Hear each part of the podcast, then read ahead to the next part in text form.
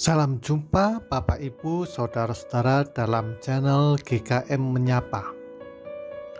Saudara sayang kasih Tuhan Yesus Dalam tahun 2021 ada peristiwa-peristiwa yang membuat kita merasa khawatir, cemas, tegang, sedih, dan mungkin berduka. Tetapi juga ada peristiwa-peristiwa yang membuat kita merasa beruntung, senang, terhibur. Sumber kegembiraan kita bisa bermacam-macam. Mungkin kelahiran anak, kelahiran cucu, karena pekerjaan, karena keuntungan di dalam usaha.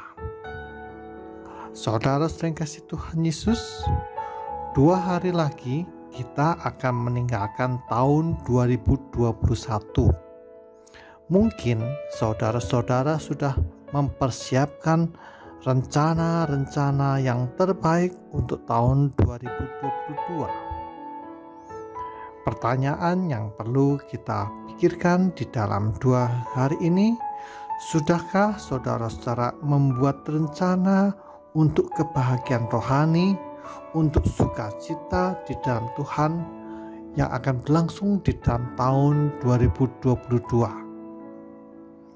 Mazmur 9 ayat 3 mencatatkan, Aku mau bersukacita dan bersukaria karena engkau bermasmur bagi namamu yang maha tinggi.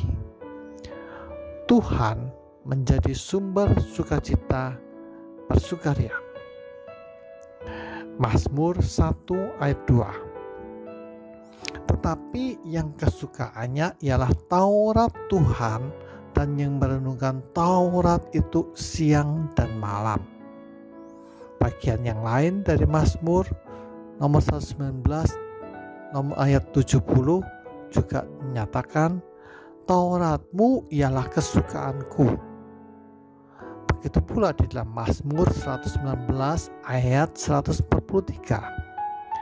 Aku ditimpa kesesakan dan kesusahan, tetapi perintah-perintahmu menjadi kesukaanku. Artinya, sekalipun ada kesesakan, kesusahan, tetapi firman Tuhan tetap menjadi yang prioritas, menjadi sumber kesukaan, sumber kegembiraan. Satu lagi dari Mazmur 119 ayat 174. Aku rindu kepada keselamatan daripadamu, ya Tuhan dan Tauratmu menjadi kesukaanku. Kesukaan kita di dalam Tuhan hanya datang dari anugerah yang Tuhan berikan kepada kita. Tuhan telah memberikan janji untuk memberkati kita secara langsung dan secara tetap melalui firman yang tertuliskan dalam Alkitab melalui doa-doa. Aturlah waktu Anda yang terbaik untuk duduk membaca Alkitab firman Tuhan, merenungkan firman Tuhan, dan juga menaikkan doa-doa.